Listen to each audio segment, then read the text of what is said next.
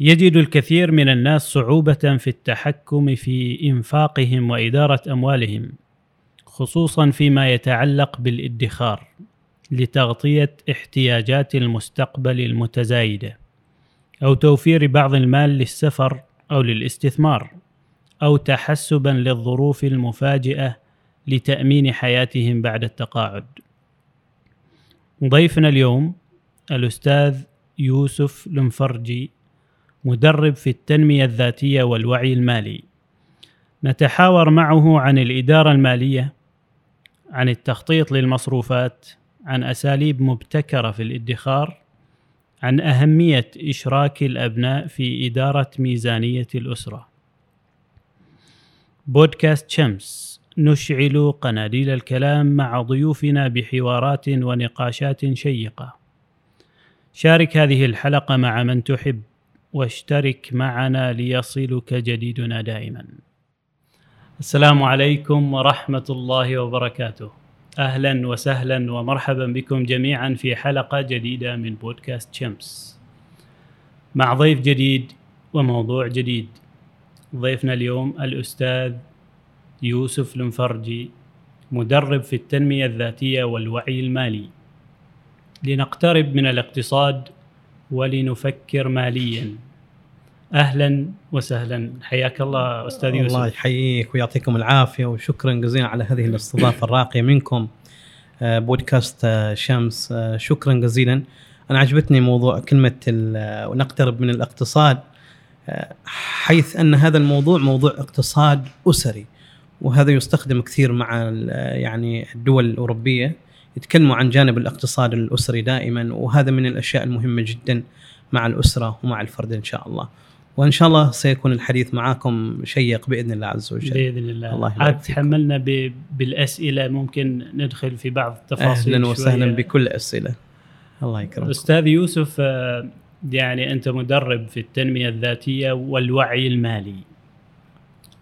آه، لو نحاول نقترب أكثر من مفهوم الوعي المالي الوعي المالي عادة نشوف آه، موضوع الوعي بديهيا يدرك الإنسان على أن لما يسمع كلمة الوعي يعرف على انه موضوع وعي معناته أن تدرك، أن تعرف، أن تكون واعي مثلا والوعي المالي وعي بمهارات تستطيع الوصول بها لتحقيق أهدافك المالية. نعم. يعني الوعي المالي أن تحقق مهارات لديك يعني تملك مهارات معينة تستطيع من خلال هذه المهارات تحقيق أهدافك المالية. ودائما أنا أقول على أنه الأهداف المالية يربطها الإنسان الأصل أو الشخص عادة ب يعني آه، أهدافه الحياتية. حتى يعني لما تعيش حياتك لابد أنك أيضا تربط أهدافك الحياتية تربطها مباشر ارتباط مباشر بأهدافك المالية. كيف أنت تستطيع أن تحقق بناء منزل؟ متى تستطيع بناء هذا المنزل؟ متى تستطيع أنك تبدل سيارتك؟ متى تستطيع أنك مثلا تسوي كذا؟ متى تستطيع؟ كل هذه الأشياء مع التخطيط الأسري مع التخطيط الحياتي وأهدافك الحياتية لابد أن تكون مربوطة ارتباط مباشر بتخطيطك المالي وتنظيماتك المالية ومهاراتك المالية المستخدمة لتحقق منها إيش؟ أهدافك هذه الحياتية. جميل يعني الوعي المالي أنت عندك دخل سواء م. كان م. راتب أو دخل تجاري أو أي دخل. أي دخل. هذا الدخل كيف تتصرف معه كيف التقسيمة اللي تتعامل معها هو م. هذا الوعي المالي نعم. في مصاريف الحياة مستلزمات الحياة بالضبط. مستلزمات المستقبل بالضبط أنك تحقق المها... أنك تستخدم مهاراتك في تقسيماتك المالية في تنظيمك المالي في كيف توزع هذا الراتب ما هي التوزيعات؟ لما يجيك واحد وتقول له على إنه من ضمن بنود التوزيعات مثلا طوارئ يجي يقول لك إيش طوارئ؟ إيش يحصل لي؟ ما أنا عايش حياتي. إيه بالضبط. للأسف الشديد وتحصل هذه الطوارئ. ترى هي تحصل مع مرور الأيام تحصل. لكن الإنسان ما مدرك على إنه هذا الأمر طارئ. يعني مثلا وضع مثلا حاجة طارئة اللي هو مثلا أعطيك أمثلة على موضوع الطوارئ أو بند الطوارئ مثلا. والإنسان ما ما يخطط له. يعني مثلا آه، عطل في السيارة. هذا أمر طارئ هل أنت حاسب على أنه إن شاء الله اليوم الصباح تتعطل السيارة؟ لا طبيعي. أنت ما حاسب على انه يمكن تتعطل السيارة اليوم الصبح إن شاء الله. لكن تعطل هذا أمر طارئ إذا أنت بديهيا إذا كنت إنسان حاسب حسابك وحاط في بالك على أنه أمر طاري بيح- يعني حصل أمر طاري بتروح مباشرة أو تشيل مين من بند إيش؟ الطوارئ. هذا تخطيط مالي. لأنك حاط أنت فلوسك هذه محط حاطينها للطوارئ. وهذا الطوارئ من ضمن النقاط فيه مثلا آه، أمر صحي مرض مفاجئ لك لزوجتك. الله يحفظكم جميعا ويحفظ آمين. المستمعين كذلك. آمين. آه، لا قدر الله مرض الأبناء مرضك أنت. قد الله يحفظنا جميعا. لكن هذا أمر طارئ. الإنسان ما حاسب. هل أنت حاسب على انه زوجتي بتمرض في اليوم الفلاني؟ لا. عطل في السيارة هذا أمر طارئ. عطل في البيت أمر طارئ. هذه كل هذه الأمور هذه أمور طارئة. لكن الإنسان للأسف الشديد ما حاطنها طارئ. حاط على أنه إذا صار هذا الموقف وقدر الله مباشره أن يذهب إلى إيش؟ يا إما الاقتراض من شخص عزيز عليه أو أنه يذهب إلى إيش؟ إلى بنك. ويقول لك على أنه أفضل لي أنا أروح للبنك وأريح راسي ولا يجيني واحد يدق لي الباب. وهذه هذه- فكرة موجودة. هذه حاصلة كثير. للأسف. مثل ما يقال آه، دوام الحالي من المحال. من المحال. فهذه الأشياء الطارئة من مسلمات الحياة. بالضبط. فتصير سواء من من الأجواء سبحان الله أنواء مناخية حادث بسيط مرض مثل ما ذكرت بالضبط. أو أي شيء طارئ هذه هي الحياة. بالضبط. بالضبط. أستاذ يوسف نحن حلقتنا اليوم برعاية مقهى بسطة مجان. مقهى بسطة مجان مقهى للقهوة المختصة ذو ماركة عمانية. عندهم أربعة أفرع والفرع الخامس في الطريق قريب يفتح إن شاء الله. اللي يتميز آه، في بسطة مجان هذه القاعات الجميلة اللي ممكن نحن نسوي فيها اجتماعات نسوي فيها حلقة نصور مكان هادي تنعزل عن ال ال الأصوات و فعلا وفكرة جميلة حقيقة فكرة عجبتني جميلة فكرة يعني. القاعات ومهيئة كذا ما شاء الله جميل أيضا يعني بما أنهم هم مقهى للقهوة المختصة عندهم مختلف أنواع القهوة الساخنة والباردة وعندهم خفايف كذا. وحلويات فزوروهم لتنعموا بمزيد من الحياة بإذن هذا. اللوجو مالهم ما شاء الله مزيداً من. نسأل- نتمنى لهم كل التوفيق إن شاء آمين الله آمين أستاذ يوسف آه، أنا أذكر سمعت قبل فترة يعني لبعض الدروس والمحاضرات في الجانب الادخار والاستثمار فكان ال- ال- المحاضر أو ال- الأستاذ المدرس يقول إنه بما إنه الإنسان حسي يحاول يربط الأمور المالية بحسه. حتى يكون يعني آه، قريب جدا يعني كل تصرفاته بإحساس. نعم. فكيف يوصل إلى هذا التناغم بين ال- ال- الإحساس الداخلي وبين الشيء المادي اللي هو ال- المال الفلوس؟ م. فيقول اسأل نفسك بعض الأسئلة. آه إذا حد سألك آه ويش تعني لك الفلوس؟ مو شعورك أنت. كيف ردة فعلك يوم تسمع كلمة الفلوس؟ م. السؤال الثاني يقول لك إذا سبحان الله يعني في يوم وليلة كذا قالوا لك الحياة ما فيها فلوس م. تسوي كل شيء في حياتك بدون فلوس م. يعني تشغل السيارة ما باغي بترول أو إنه بترول ببلاش.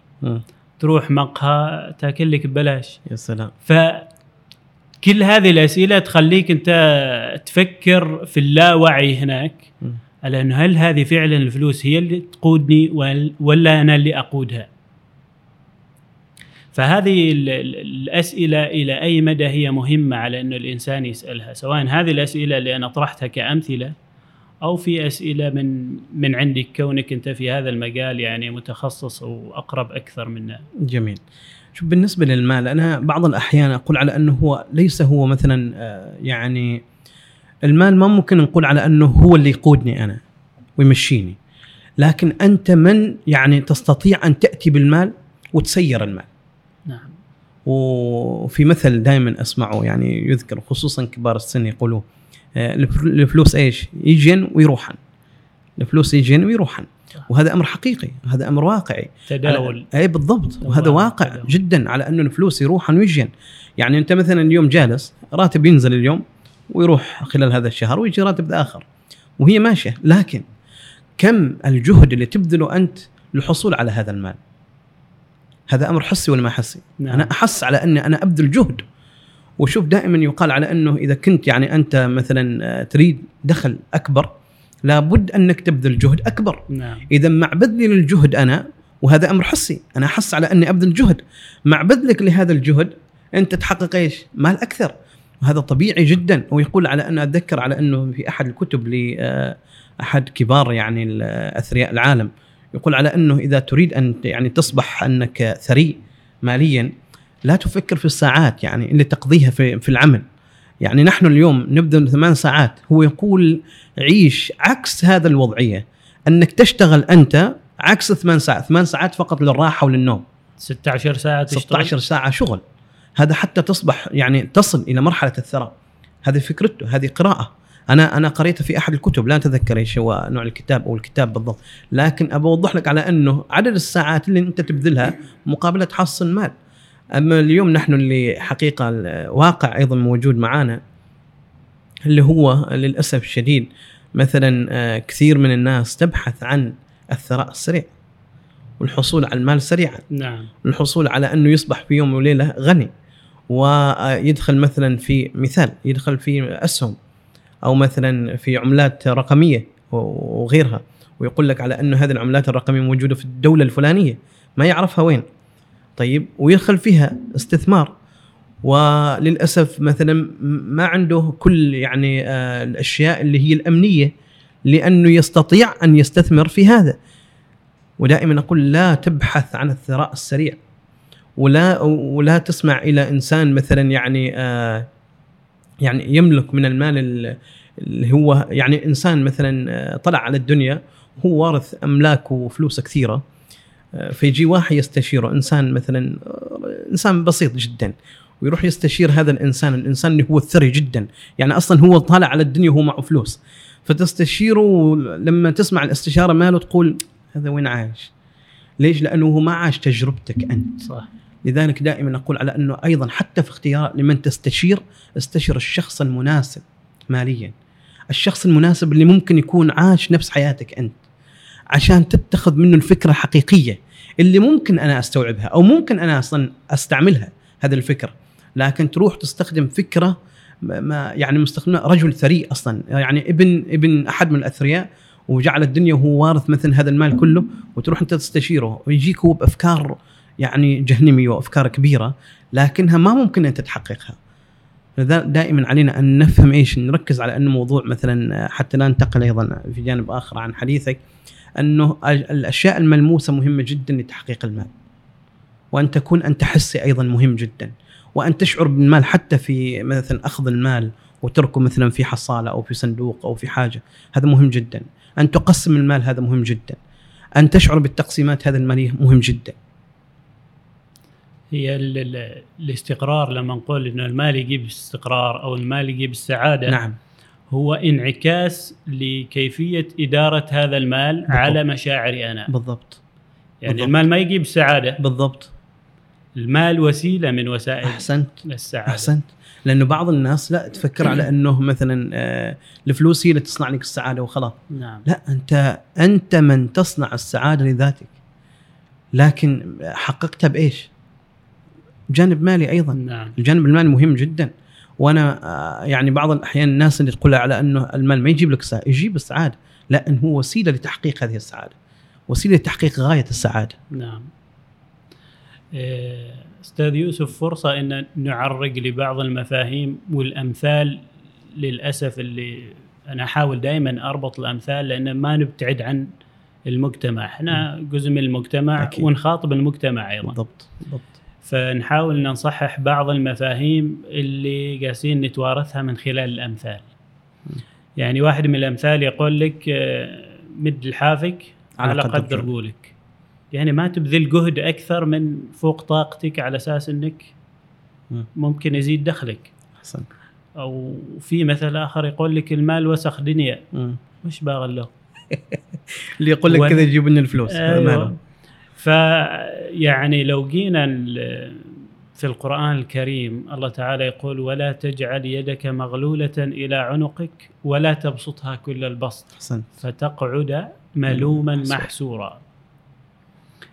يعني هذا توجيه للإنسان على أنه يكون آه، عنده وسطية في التعامل مع المال بالضبط يعني لا تجعلها مغلولة إلى عنقك حتى تكون في عيشة تلوم بها نفسك.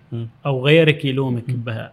تكون بخيل ماسك. المال مسكة ولا تجعلها مبسوطة ممتاز وبالتالي الإسراف ممتاز فيبغى لك تكون في في في ميزان من الوسطية بين الإسراف وبين آه، الإمساك مم. تكون في وسطية. بالضبط. أيضا آه، في آية أخرى الله يقول المال والبنون زينة الحياة الدنيا. فهذا عكس المثل اللي يقول المال وسخ دنيا. بالضبط. يعتمد على ال- كل شخص وين جالس يستخدم هذا المال. بالضبط. ويمكن بعض المفاهيم آه، من خلال تجربتك واستشاراتك آه، يعني نحاول ان نسلط الضوء عليها. جميل. شوف بالنسبة لموضوع مد, لحافك على قد رجولك أول شيء. مد لحافك على قد رجولك أنا بعض الأحيان هذا هذا المثل آه آه يعني أعتمد عليه ويعجبني في شيء. يعجبني على أنه لا تمد لحافك إيه، رجول مد مد رجولك على قد لحافك يعني هذا المثل يعجبني في أنه تحكم في أموالك حسب ما أنت موجودة معك. يعني تحكم في حياتك حسب ما موجود الأموال اللي عندك. نعم. لا تمد لحافك لا تمد رجولك فوق أكثر من لحافك وتروح أنت مثلا تشتري سيارة فوق طاقتك. هذا أنت مديت رجولك فوق أكثر من لحافك أنك تشتري سيارة فوق طاقتك. نعم. أنك تبني بيت فوق طاقتك. أنك يعني آه والله وذكرتني بمثال بسيط. أحد الأخوة كان يذكرني يذكر لي على أنه موضوع آه يعني يستشيرني في موضوع بناء منزل. وكان يقول لي على أنه يعني آه البيت آه يبني فيه تقريبا ما يقارب ثمان أو تسع غرف. ما شاء الله. آه، فندق هذا. سألته كم عدد الأولاد اللي عندك؟ يقول لي آه، معه طفلين بنات وطفل واحد ولد. فقلت له إيش الداعي لبناء كل هذه الغرف؟ قال والله بعض الأحيان يجوا معي أهلي. طيب أنت باني البيت لك ولا لاهلك إذا كانوا بيجوا كلهم ينتقلوا معك هذا شيء آخر. أنا أنا أتفق معك لكن نعم. إذا كان هذا البيت لك أنت ابني البيت على قدك. غلط. ويقول لي ليش الم... ليش هو جاي يستشيرني أصلا؟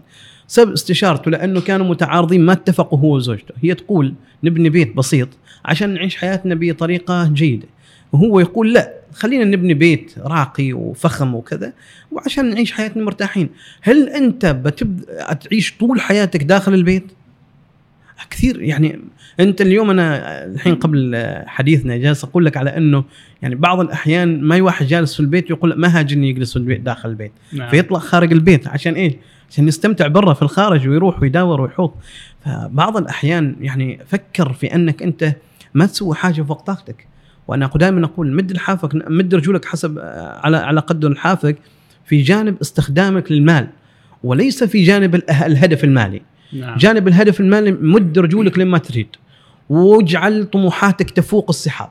واجعل طموحات لديك تملكها ما حد يملكها في العالم. اجعل لديك حلم أنك تصل وتحقق من المال ما هو لا يحلم به العالم. جميل. لكن موضوع انك استخدامك للمال نعم مد رجولك على قد لحافك هذا جانب.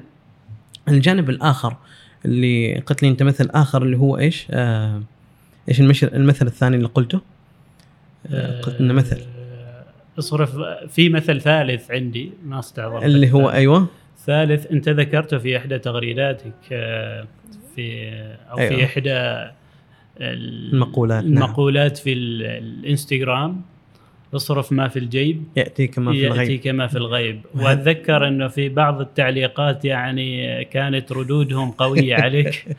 ف لأنه بعض الأحيان الناس فاهمة على إنه يعني اصرف ما في الجيب يأتيك ما في الغيب معناته أني أصرف اللي في جيبي وأعيش حياتك والله بيجيب الفلوس. ما صحيح. ما صحيح إنه يعني آه، أعيش حياتي بهالطريقة. آه، آه، متى من بدون من قال. هذا المثل من قال هذا؟ ومتى قيل هذا؟ يعني لكل مثل وقته وزمنه. نعم. نحن ما يصير أن نتخذ كل الأمثال ونضربها في أنفسنا. هذا هذا ظلم في حق أنفسنا. أن نضرب كل كل الأمثال ونضربها في أنفسنا. كل المثل موجود. أمثال كثيرة موجودة. بعض الأمثال أصلا تظلمنا وتظلم حقك في أنك تعيش بهالطريقه يعني مثلا أنك تصرف ما في الجيب. يجيك واحد ويصرف ما في جيبه ويقول لك على أن الله بيسر الأمور. أنا عايش بالبركة وتمشيها بالبركة وعايش على ليش؟ خطأ. يا أخي اصرف قدر حاجتك. حتى شراء الأشياء للبيت قدر حاجتك. آه تبذل جهد يعني أنت ابذل جهد ولكن مصروفك قدر الحاجة. أعطي أولادك قدر الحاجة. نعم. زوجتك قدر الحاجة. يعني ما يصير أنا أصرف اللي في جيبي وبعدين أقول إن شاء الله بإذن الله عز وجل الله سبحانه وتعالى بيرزقنا، الله الرازق يجيب, لك سبعة أولاد وهو راتبه بسيط جدا أو ثمانية أو عشرة أو يمكن حد يقول لي ليش أنت ضد يعني موضوع الأولاد؟ لا لا أنا ما ضد الأولاد، جيبوا لا أنت حر. لكن أنا أقول على أنه قيس ميزانيتك يعني وقيس حتى موضوع الأبناء وقيس حتى موضوع البناء للبيت وقيس حتى السيارة اللي تشتريها على قدر الراتب الذي تملكه وابذل جهد. وهذه نصيحة. ابذل جهد للبحث عن دخل آخر. وانت تستطيع أنك تبذل جهد كبير وتحقق به دخل آخر لتستطيع إن شاء الله بإذن الله عز وجل تأتي يعني بالابناء وتستطيع أنك تشتري سيارة أفخم وتستطيع أنك تبني بيت أكبر وتستطيع أشياء كثيرة. ويعني دائما أنا ما لما أقول حاجة والله دائما ما يعني آه، اللي أطرحه أطرح فقط لي آه، يعني آه، أنا أنا أنا أشعر على أني أنا موجود في هذه الساحات وأشعر على أني أنا أعطي إخواني وأصدقائي ومن يتابعني أيضا من الأحبة والأخوة كنوع من. المسؤولية أيوة الاجتماعية نعم أنا مسؤول عن أني بما أني أنا موجود أنا لابد أني أبذل جهد للعطاء ويعني آه، اليوم قريت أيضا أحد التغريدات كان واحد يغرد عن موضوع معين وكان يقول ما. إذا كنت تستطيع لا زلت أن تعطي فأعطي إذا كنت تستطيع أن تقدم قدم شيء. هذا واجب. ما دامك أنت موجود على هذه الحياة. والرسول صلى الله عليه وسلم ينصحنا بهذا. صلوا على النبي. اللهم صل وسلم. على الرسول صلى الله عليه وسلم ينصحنا بهذا. وينصحنا لأن يعني الأمر بالمعروف والنهي عن المنكر. إذا نحن يعني يعني الحين نحن نبذل جهد لنعطي معروفا لنقدم خيرا بقدر المستطاع. هذه هي قدر سنة الإمكان. سنة المصطفى صلى بالضبط. الله عليه وسلم. حتى بالضبط. في حديثه إذا كان إذا كان في أحدكم في يد أحدكم فسيلة فليغرسها أحسنت. حتى هو على على وشك يعني بالضبط. يحتضر أو في أحسنت. نهاية أحسنت. حياته تذكرت المثل الثاني يقول لك آه، المال وسخ إيه دنيا بالضبط يجيك واحد يقول لك المال وسخ دنيا طيب أعطينا فلوسك هذا وسخ كيف تسمي المال وسخ دنيا ما يجوز حرام عليك المال والبنون زينة. قد يكون هم عندهم هم- خلط بين يعني المال من وين جبته؟ هل هو من طريق حلال أو من طريق حرام؟ حرام أو في شك؟ هل مال من من من معاملة فيها نوع من الشبهة أو شيء؟ الله أعلم في ماذا قيل ال- ال- المثل. المثل. مثل ما ذكرت أنت قد يكون يعني هذه الأمثال ترى هي ما هي قرآن منزل أ- أ- الأمثال لها فترة صلاحية وقابلة للانتهاء أنا ب- أريد يمكن كانت تصلح لمجتمع لفترة زمنية معينة بالضبط. ما تنطبق على هذا اليوم. المجتمع وعلى هذه الفترة الزمنية أحسنت.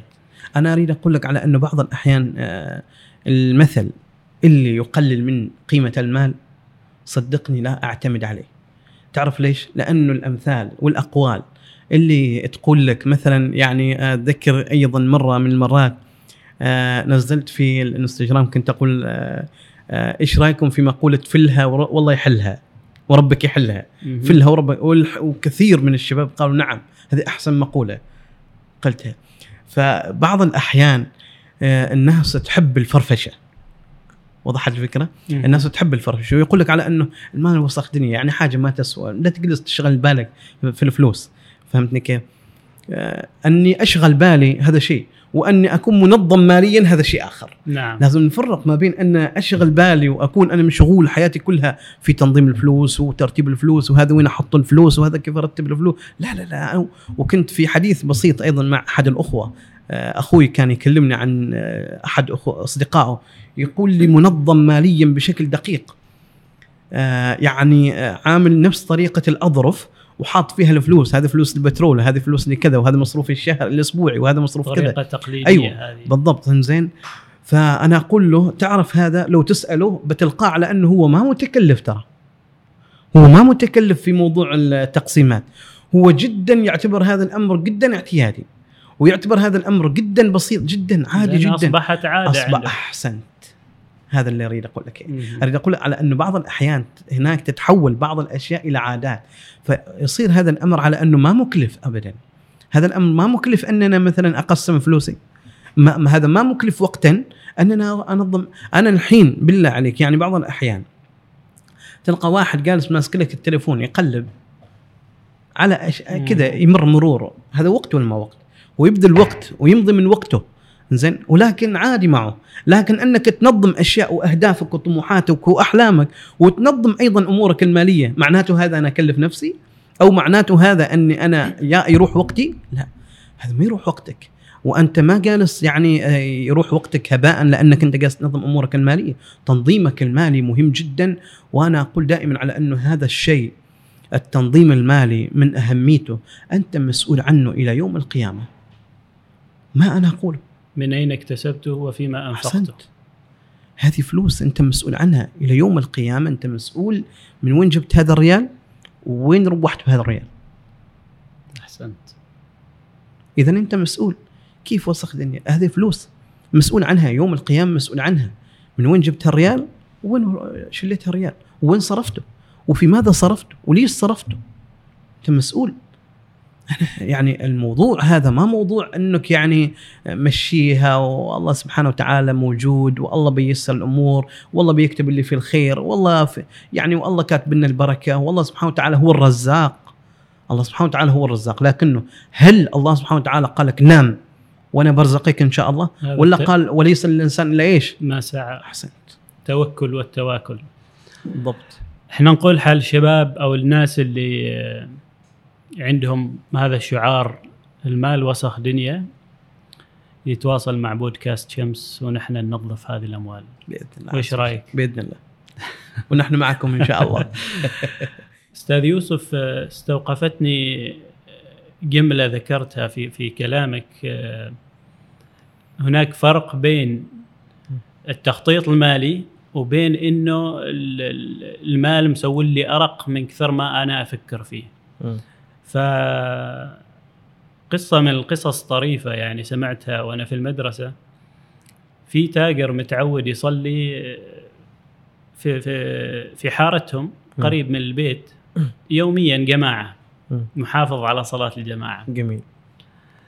ففي يوم من الأيام بعد ما سلم الإمام تناقشوا ال- ال- المأمومين مع الإمام. كأنك اليوم صلبنا ثلاث ركعات. فقال لهم يعني ليش ما قلتوا سبحان الله؟ كأنهم شككين. في جماعة يقولوا لا. كاملة الصلاة في جماعة يقولوا مصلين. ثلاث. نعم. فتدخل هذا التاجر. قال لهم يا جماعة الخير أنا يوميا بعد تكبيرة الإحرام يجيني الشيطان ويفتح لي دفتر الحسابات. نعم. وقبل لا يسلم الإمام السلام عليكم ورحمة الله أنا مسكر دفتر الحسابات. فاليوم يعني اتفاجأت إنه الإمام سلم وبعد دفتر الحسابات ما مفتوح. مسكر فهذا دليل على إنهم مصلين ثلاث ركعات. نعم. هذا هو اللي مشغول بال بالمال إلى درجة إنه ما قادر يفصل بين العبادة والأمور الدنيوية ويمكن حتى في نومه ما يقدر ينام. يعني أرق عن يكون أخسر هذه الصفقة و... أحسن. أنا ف- خليتني آه، محمد يعني أتذكر حقيقة أشياء كثيرة. آه، من ضمنها يعني آه، آه، موضوع المال. بعض الأحيان بعض الناس للأسف الشديد حاطين في بالهم خلاص الفلوس هي كلها الدنيا الحياة كلها فلوس. ويعني آه، فكره كله فلوس. وهذا يدخل في أشياء. من ضمنها مثلا بعض الأحيان الحسد حسد الآخرين عن المال الموجود معاهم في جيبهم. يعني آه، يشوف حد اشترى سيارة هو يملك أفخم سيارة. مع هو يملك أفخم سيارة. يملك سيارة ويملك بيت يملك كل هذه الأشياء. لكن أحد اشترى سيارة؟ معه فلوس. من وين جاب الفلوس؟ بعيد الشر من هين جاب فلوس؟ كيف جاب فلوس؟ يا أخي قل ما شاء الله. أذكر الله سبحانه وتعالى. ليش نحن للأسف الشديد بعض الأحيان؟ وهذا يؤسفني حقيقة. أو يعني من انتهيت أنت من قصتك أنا تذكرت أشياء مواقف وسمعت أشياء كثيرة وفي ناس للأسف الشديد الهم الأكبر في حياته هو المال.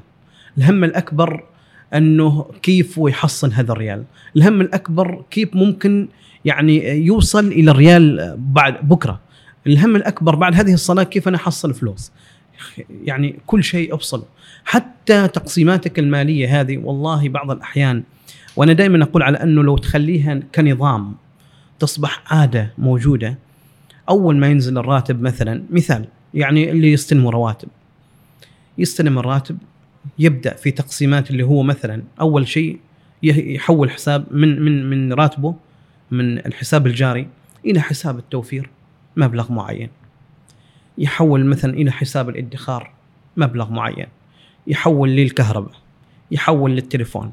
يحول لزوجته يحول لاولاده واحد اثنين ثلاثة. كل هذه التحويلات خلصها وهو جالس البيت. صح في على هاتفه اليوم. نعم. صح ولا خطأ؟ هل هذه صعبة؟ ما صعبة. ليش أنت تحط في بالك انشغال كبير جدا انه موضوع التقسيمات؟ ولا تنظيم حياتك المالية. بنقي حال هذه التوزيعات والتقسيمات إن شاء الله.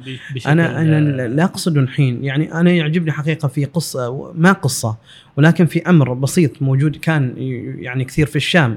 يذكر على أنه كانوا في سوق الشام على أنهم آه، كانوا يعني أول الصبح آه، لما يفتحوا السوق الكل يحط الكرسي الكراسي مال مال المحلات داخل يخرج الكرسي ويخليه خارج المحل. كلهم كل أصحاب السوق في هناك معاهم في السوق كلهم يحطوا كراسيهم خارج المحل المحلات مالهم. أول زبون يدخل لهذا المحل يشيل الكرسي من من الخارج إلى الداخل. أول زبون أول شخص يجيك للمحل يشيل الكرسي من الخارج إلى الداخل. إلين يكتمل السوق كله مدخلين كراسيهم. إذا واحد ما دخل كرسيه ويجي واحد زبون آخر لهذا المحل شوف كيف بس تركز معي كيف إيش هذا الرقي؟ حقيقة إيش الرقي؟ إذا جاي زبون آخر رق الثاني وشاف الكرسي في المكان الفلاني ما مشلول يقول له غرضك هذا ربما تحصله في المحل الفلاني روح شوفه لأنه ذاك بعد ما استقبل بعد الكرسي زبون. موجود خارج نعم فيروح هو لهذا المحل عشان يشيلوا الكرسي من الخارج إلى الداخل فتصبح كل الكراس كل المحلات جاتها إيش؟ زبائن وانتهى السوق الكل دخل معه إيش؟ مستفيد هذا أنت حب الخير لمن؟ للآخرين. نعم. حب الخير للآخرين. لا تجعل الهم الأكبر هو المال ولا تجعل الهم الأكبر كيف اجمع الفلوس ولا تجعل الهم الأكبر أنك تشوف الفل... الناس فلوس وتشوف فلان على أنه معرف لابس هذا الشيء الفلاني أوه معه فلوس. ما أعرف إيش معه فلوس. شيء السيارة كذا النوعية الفلانية معه فلوس. معرف كل الناس حاكم عليهم على أنه معه فلوس. ليش؟ لأنه معه الشيء الفلاني أو يملك الشيء الفلاني. ركز في حياتك جيدا. للأسف صرنا ماديين أكثر للأسف. من اللازم. إذا كان قال ستي أنا معك أستاذ يوسف ما من وراها فلوس ف ما أقدر أيوة معك. أيوه بعض الأحيان أنا آه، يعني أتذكر على أنه على آه. فكرة ترى يعني ما دافعين له شيء ولا هو دافع الله يكرمكم ان شاء الله يحفظكم بس دافع لنا هذه المعلومة القيمة اللي تقدم دورات اقتصادية بالعكس ما شاء الله. بالعكس والله أنا جدا سعدت حقيقة بهالجيه معاكم. الله يكرمكم. أنا حقيقة يعني أتذكر آه، من ضمن المواقف آه، يعني تم الاتصال بي من أحد الإذاعات لطلبي لمقابلة لإذاعة يعني لمقابلة كذا مبسطة. أحد الأخوة يسألني كم يعطوك؟ أقول أرجوك يا أخي هالسؤال يزعجني لأنه ما كل الحياة فلوس الحياة ما كلها فلوس ولا تربط لحياتك كلها بفلوس تروح المكان الفلاني كم يعطوك؟ مم. تروح المكان العلاني تعمل حاجة كم يعطوك؟ المقابله الفلانيه كم يعطوك؟ الورشة هذه بكم؟ كم دافعين لك؟ بكم قيمة هذه الورشة؟ ليش؟ ليش زاعج نفسك وزاعج حالك أنه من وين تجيب هالريال؟ والله الله سبحانه وتعالى بعض الأحيان صدقني الخير والرزق بعض الأحيان في أنك تزيل حتى بعض الأحيان يعني إزالة أذى من طريق. نعم. ويأتيك الله برزق ما تعلم من وين جاك الله سبحانه وتعالى يعطي الإنسان والله سبحانه وتعالى رزاق. فقط عليك أن تسعى حتى للخير. وعلى نياتكم ترزق أحسنت. بارك الله فيك. أستاذ يوسف خلنا ندخل يعني نكون مثل ما يقولوا تكنيكال أكثر حتى يستفيد المتابعين أكثر. آه للأسف نحن في مدارسنا وإلى الآن مرت أجيال وأجيال ما يعني تعلمنا فنون الحياة أو مهارات الحياة الناجحة. ما تعلمنا شيء استث- استثمار وادخار وتجارة. إلا إذا كان يعني طفل نشأ في بيئة وفي عائلة مهتمه بهذا الجانب. أما إذا كان يعني واحد نشأ في عائلة أبوه وأمه موظفين أو كلهم يعني قايمين البيت قائم على الراتب فقط نادر أن يخرج تاجر أو يخرج واحد عنده هذا الوعي المالي. وهذا من الملاحظ كأن التجارة صايرة وراثة في العوائل مم. نادر نعم. آه، نعم. أو حتى بعض المجتمعات يقول لك آه، مثلا عندنا هنا في في- عمان أولاد نزوة مم. أولاد نزوة ما شاء الله تجار نعم نسلم على صديقنا من نزوة أولاد نزوة تجار لأنه بيوتهم قريبة جدا من السوق مم. والأب يمكن كان تاجر وعنده محل فالطفل أول ما بدا يعني وعى على الدنيا في أخذ وعطاء وبيع وشراء. فيمكن حتى أبوه يعني ما ي- ما جالس يعلمه يقول له تعال تعلم تجارة وأنا أعلمك. جالس يشوف شيء عملي قدامه. أحسنت. فإلى أي مدى نحن أصلا محتاجين هذه المهارات ندخلها في مناهجنا الد- الدراسية؟ مم. ولو شخص ونقول إحنا مثلا ما فاتنا القطار ما تعلمنا في فترة الصغر هل هذه المهارات قابلة على أنها تعلم في. الكبر؟ بكل تأكيد. بكل تأكيد نستطيع انه ولو اليوم نحن نستطيع أن نعدل حياتنا.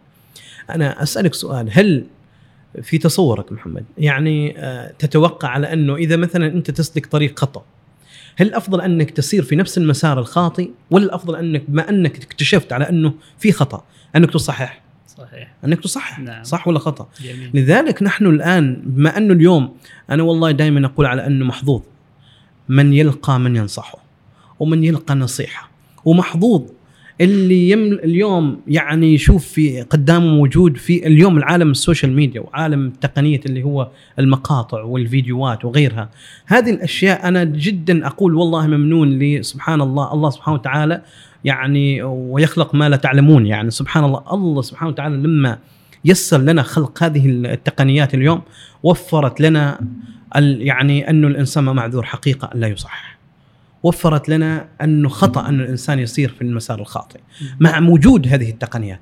اليوم موجود معك من ينصح.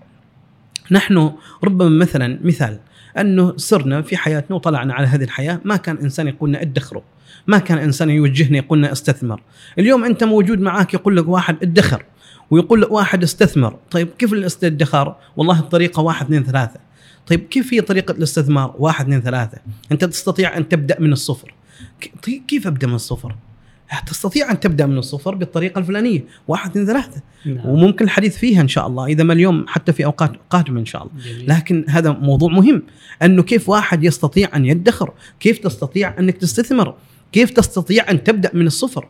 كيف تستطيع أن تبدأ بمبلغ بسيط؟ يعني كل هذه النقاط اليوم نحن يعني أنا حقيقة آه يعني أعرف أحد الدول الخليجية كان يدرس مع عمان. أحد الدول المجاورة. كان ال- الثقافة المالية. في أحد تقريبا أتوقع والله أعلم على أنها دولة الكويت. كان ادرس هذه المادة موجودة. وبعدين راحت هذه المادة. آه، طلعوها من من معاهم من المنهج. مم. الآن أيضا آه، أتذكر على أنه في تقريبا نوفمبر آه، أو في في في القريب القريب تقريبا في 2020 في سنة 2020 أو فبراير يا نوفمبر يا فبراير. سمعت خبر في آه، المملكة العربية السعودية على أنهم أيضا دخلوا منهج صحيح. اللي هو منهج الادخار. هذا المنهج موجود الآن معاهم في السعودية. هذا المنهج يستخدم معاهم في كلياتهم ومدارسهم. نحن إيش أنا حقيقة وجهت ويعني لما حضرت لبعض الورش وفي أحد الكليات الخاصة كنت حاضر أعمل لهم ورشه محاضرة معينة حول الثقافة المالية وأتذكر على أنه موجود نائب عميد لهذه الجامعة وأتذكر على أني قلت له أرجوكم أرجوكم حطوا لأبنائنا منهج يعني يتحدث عن الوعي المالي والثقافة المالية لأنه مهم جدا أن يخرج واحد من الكلية براتب 90 أو 60 ريال سابقا ويخرج إلى إلى راتب 800 و700 وما يعرف كيف يدير هذا الراتب مشكلة. نحن نواجه مشكلة في إدارة هذا الراتب. نعم. اليوم نحن للأسف شديد يعني آه يخرج الشاب من الجامعة أو الكلية أو خريج الثانوية ايا كان ويخرج على الوظيفة ويأخذ لك أول راتب ويروح يستمتع في هذا الراتب بيعني أرقى سيارة وافخم سيارة. والله هذه حلمي. والله هذه حاطنا هدف من يوم كنت صف أول إعدادي أن أشتري السيارة الفلانية ويتخرج من الثانوية ويشتغل في وظيفة بسيطة جدا ويروح. يعني براتب 500 أو 400 ريال ويشتري سياره تكل يعني إذا توقف هذه السيارة وتعطلت صار فيها عطل يحتاج شهرين عشان يصلح هذه السيارة. للأسف الشديد نحن اليوم أصبح معنا المباهاة والإنبازة ويعني المظاهر غلبت علينا فأصبحنا ما عندنا وعي مالي.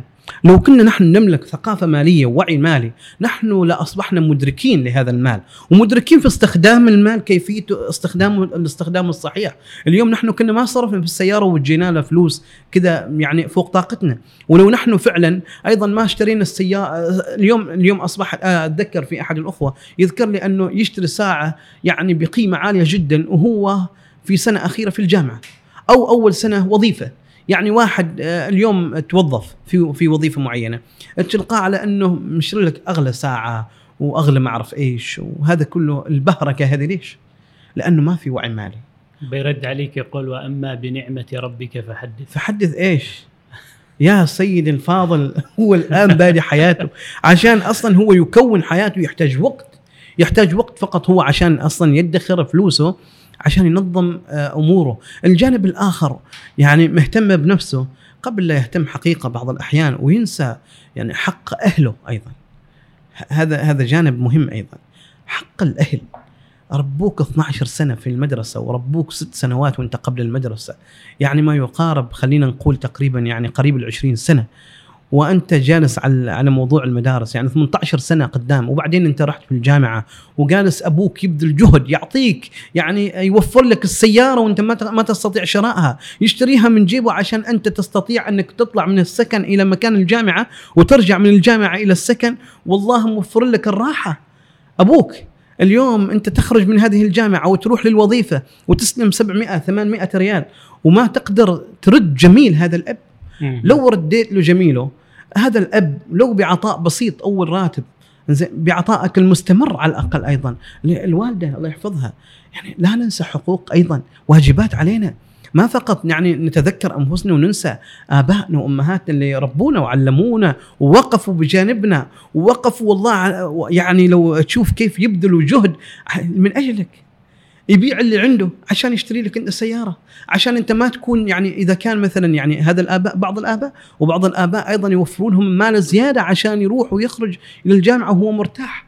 عشان ما يبقى هو يسأل من وين الطالب الفلاني كيف استطاع شراء هذا الشيء الفلاني وأنا ما استطعت؟ كيف استطاع شراء لابتوب وأنا ما مستطيع؟ صحيح. هذا كله جهد بذلوه قدموه. الأم والأب أو الأسرة قدمته لك. أنت عليك لا تنسى أول شيء رقم واحد الأسرة. ثانيا لا تنسى أيضا الصدقة من هذا الراتب. بعد ذلك حاول انك تبذل جهود أنك أنت تؤسس حياتك. أيضا بعض الأحيان محتاج إلى أنك أنت تنمي مهاراتك الوظيفية. قبل أنك أنت تشتري السيارة الفارهة وقبل أنك أنت مثلا يعني آه يعني آه تستطيع أنك مثلا أنك تشتري مثلا أشيائك الغالية لك أول شيء نمي نفسك. بناء آه الذات مهم. أحسنت أستاذ يوسف. لو لو نقدر نقول نوجه يعني واحد في بداية العشرينات. تو متخرج من كلية. يعيش في هذا العصر اللي نحن نعيشه. عصر التكنولوجيا وكل شيء متوفر واليوتيوب متوفر. بس ما دارس هذه المهارات في المدرسة. ما عنده عذر. يبحث عن أوكي أنا أسمع ادخار. يا أخي أتعلم كيف الادخار؟ أحسنت. آه، الاستثمار في وسائل الاستثمار. إحنا نريد نتعلم أنا واحد منهم والمستمعين والمشاهدين. كيف أنا أقدر أدخل أو أقحم نفسي في هذا الجانب؟ كأن إحنا حاطين في بالنا يا أخي التجارة حالها ناس ترى ما حالنا نحن. وخلاص أنا أعيش على الراتب. للأسف شوف بعض الأحيان هذا الفكر موجود. كيف كيف أنا أكسب هذه المهارات؟ هل أدخل دورات؟ هل أعتمد على ربعي ولا أروح أسأل التاجر اللي مثل ما قلت أنت اللي هو وارث من من أهله. ما أشتغل عليه. هذيك فما احسنت شوف أنا بقول حاجة بعض الأحيان للاسف شديد يعني يقول لك آه، وهذه هذه هذا هذا مقولة أيضا موجودة معنا ومتداولة بين الناس بين الشباب يقول لك الفقير إيش يعيش؟ دمير فقير فقير الفقير يعيش فقير. الفقير يعيش وال ولا الفقراء يبقوا فقراء. والغ- والأغنياء يزدادون إيش؟ غنى. غنى. المقولة غير صحيحة لا نحن صحيحة لأن شوف بخ... عشان أصحح أيضا مقولتي أو حديثي. هذه المقولة للأسف الشديد الفقراء يزدادوا فقرا والأغنياء يزدادوا غنى لأنه الغن... الأغنياء يفكرون في كيف ممكن يستطيعوا ليزدادوا غنى. وللأسف الشديد الفقراء بعض الأحيان لا يفكرون. في كيف ممكن يصنعوا ثروة؟ وكيف ممكن يكونوا حياتهم ليصبحوا يوم من الأيام أغنياء؟ يقول لك أنا يعني طالع من بيت فقير وأبوي فقير وأسرتي فقيرة وجدي فقير وكل الأسرة فقيرة. يعني أنا بطلع منهم مثلا غني؟ نعم خلاص ممكن يقنع نفسه إنه ممكن. أنا ما ممكن ما أن مجالي هذا. لا ممكن. ممكن أن تصبح في يوم من الأيام أنت شخص يعني هذاك الغني اللي اللي طلع. هل تتوقع إن كل ابائه وأجداده كانوا أغنياء؟ ما لازم. بعض الأحيان رجل يعني أو مثلا حركة أو سلوك يغير مجرى حياتك أنت. اللي هو مثلا سلوك الادخار. والادخار دائما أنا لا أشجع انه واحد يدخر. ترى ما يعني الادخار أنك تضم فلوسك؟ الادخار لا يعني أنك تضم فلوسك وأنك تحتفظ فيها في صندوق أو أنك تحتفظ فيها في البنك وخلاص ومغلق عليها من كل من أربع أربع جدران. لا. الادخار لا يعني كذا. الادخار معناه أن تنمي هذا المال كذلك. كيف؟ بالاستثمار. ما صح أنك أنت تروح الادخار معناته أنك تجيب الفلوس ضمن ضمن وتصدق الفلوس وبس خلاص ناس عمرك. لا. الادخار معناته أنك أنت تدخر بالإضافة إلى هذا الادخار أن تنميه.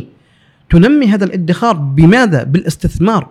استثماراتك اللي موجودة في أسهم وغيرها ومشاركات وفي مثلا آه، شاركت في مثلا أو شراء أراضي وعقارات وغيرها هذه كلها استثمارات وهذه الاستثمارات معناتها إيش؟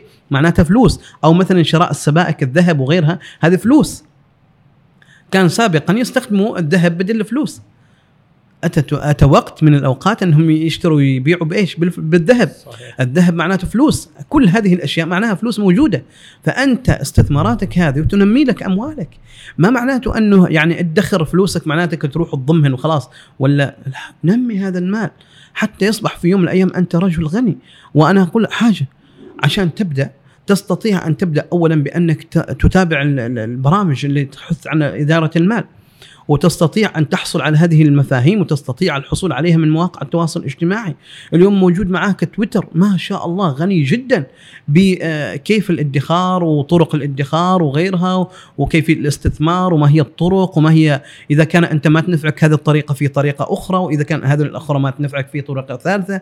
ما هي القواعد لتقسيم راتبك أنت الشخصية في طريقة وقاعدة معينة؟ إذا ما تنفعك هذه القاعدة قاعدة أخرى ثانية ثالثة مو قواعد معينة. بالإضافة إلى ذلك بإمكانك أن تروح تبحث من السوق ما هو الشيء المناسب بإمكانك أن تبحث ما هو شغفك من الداخل عشان تعرف ماذا أنت تستطيع أن تفعل ماذا تستطيع أنت أن تبني. يعني إذا كان أنت محب للسيارات تستطيع أن تجا تجا تجا يعني أن تكون معك تجاره سيارات.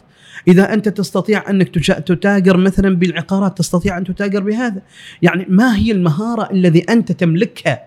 مثلا معك مهارة تسويق أنت تستطيع أنك تطلع فلوس من التسويق. تسوق للمجتمع وأنت بفلوس.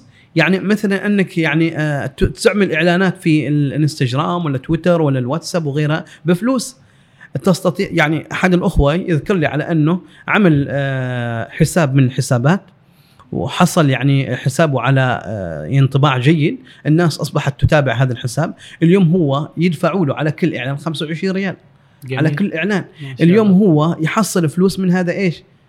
من هذا الإعلانات، فلذلك نحن علينا أن نركز جيدا في أن نحن نستطيع أن نغير من حياتنا واتجاهاتنا، جميل. لكن كيف؟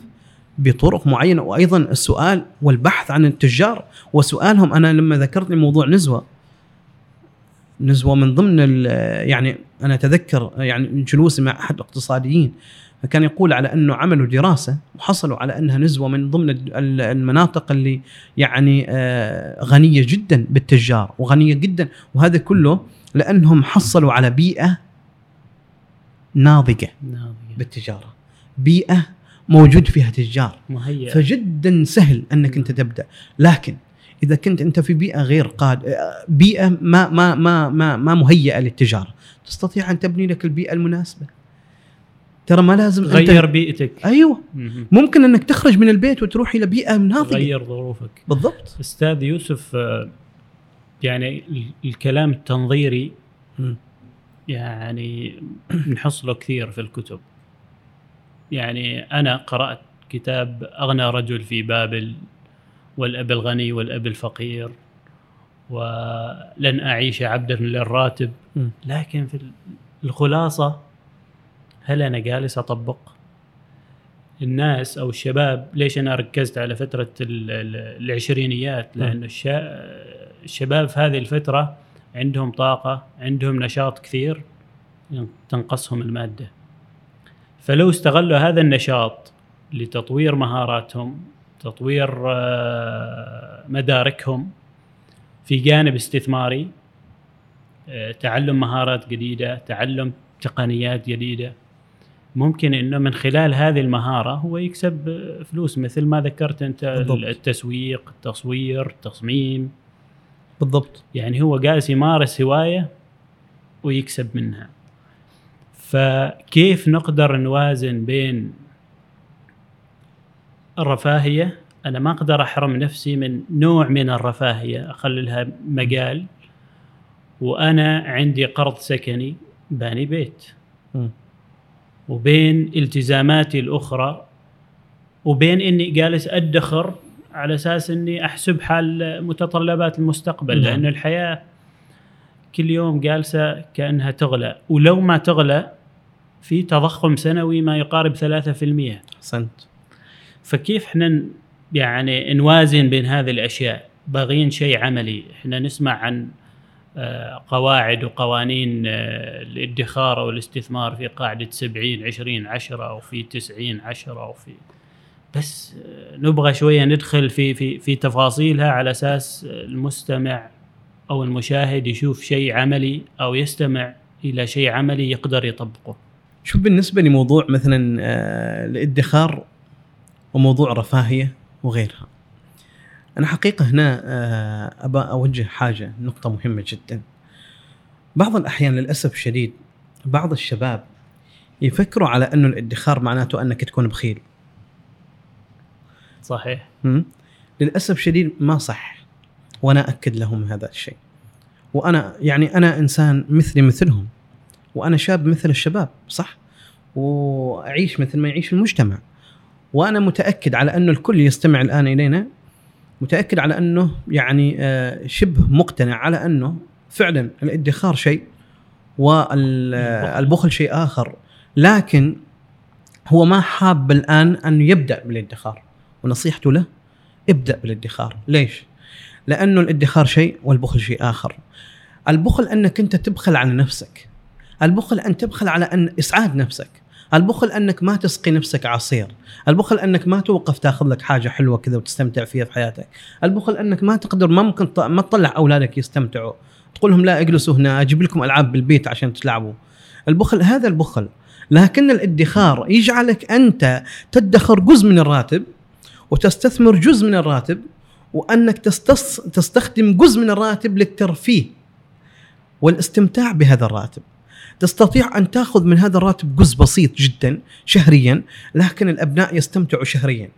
وتستطيع أنك تستم... يستمتعوا الشه... الأبناء شبه شهري أو كل شهرين أو كل ثلاثة حسب جدولك. وأنا أقول دائما على انه التنظيم المالي أنك يجعلك أنت تستطيع أن تعرف متى ممكن أن تخرج للترفيه بالإضافة إلى ذلك حتى الزوجة تعرف ما هو مدى مقدور هذا الزوج للصرف. هذا إذا كان منظم هو ماليا والزوجة كذلك تعرف. أنا دائما أقول اجعل الزوجة موجودة معك في كل مصاريفك وكذا وك... هذه كل هذه الأشياء خليها زوجة موجودة معك. ليش؟ حتى تكون هي مطلعة وتكون الاسره عارفة. بشكل عام إشراك الأبناء في ميزانية. الأسرة. هذا اللي وصله واجعل الأبناء كذلك عارفين على أنك حتى حتى قيمة هذا الشيء. بكم أنت اشتريته؟ هذا مهم جدا. الإبن مهم جدا أنه يعرف أنت اشتريت له هذا اللعب بخمسة ريالات ولا هذه. هذه اللعبة قيمتها 10 ريالات ولا 30 ريال. كم قيمة هذه اللعبة مهم جدا أنه يعرف؟ تعرف ليش؟ حتى يقدر قيمة المال وحتى يعرف قيمة المال. الزوجة كذلك لابد أن تعرف ما هو قيمة هذا المال وكم أنا صرفت وكم ممكن أنا أصرف لموضوع شراء مثل أدوات العيد أو أغراض العيد. هي تعرف ليش؟ لأنه موجودة هي موجودة معي في في في دائرة المال وموجودة معي في تنظيماتي المالية. لذلك لما تشرك الأبناء والزوجة في موضوع الصرف والادخار والاستثمار وتشرك بالإضافة إلى ذلك لما إشراك الأبناء في موضوع الادخار هذا مهم جدا. هذا مهم جدا وأنا أتطرق له بشكل بسيط وسريع جدا. أوضح لك حاجة. يعني مثلا إشراك الأبناء لما تشرك الأبناء هل يستطيع الابن الادخار؟ يقول لك على أنه أولادي ما يعني ماشي شيء اسمه معاهم ادخار لأنهم أصلا يعني أول ما أعطيهم فلوس يروحوا إيش؟ يشتروا يوبو. يروح الدكان. يروح الدكان يركض صح ولا خطأ؟ لأنه الابن هذا ما عارف ما مدى قيمة هذا المال. وكم قيمة هذا المال؟ يا أخي علم أبنائك ولو ولد أربع سنوات خمس سنوات ابدأ علمه. أنا أنا متأكد على أنه ما ممكن هو يفهم قيمة المال وهو أربع سنوات أو ثلاث سنوات عمره. هو لا زال طفل ويريد يستمتع كذلك. ولا تحرموا أبنائكم. ولا تحرم أبنائك من المتعة. وأنا متأكد وبقول لك حاجة مهمة وركز معي وبتقول على أنه فعلا كلام سليم. تعرف على أنه الإنسان المنظم ماليا والذي يدخر هو يستطيع أنه يروح يستمتع بينما الإنسان الغير مدخر ولا ولا ينظم حياته المالية ربما في يوم من الأيام ما يستطيع هو يروح حتى يستمتع في حديقه ولا يستطيع أنه يلاعب أطفاله في ألعاب كهربائية بقيمة 5 ريالات شهريا لأنه ما قادر هو أصلا ما منظم ماليا هو ممشينا الحياة بالبركة. ما جزء من الالتزامات ابدا الشهرية ما في جزء. لكن لما أنت تكون منظم ماليا منظم مدخر هذا المبلغ للترفيه. جزء من المبلغ منظمينه انت حاطينه للترفيه. هذا المبلغ ابدا ما في يوم من الأيام بيكون هذا المبلغ كيف يكون في عجز؟ لأنك أنت مثلا تدخر مثلا من الراتب كله خلينا نقول ادخار خمسة ريالات للترفيه. للترفيه الإبن هذا طفلك أو طفلين معك أو ثلاث أطفال. مثلا أنت تدخر خمسة ريالات. تخيل على أنك تشيلهم كل شهرين تطلعهم مرة واحدة.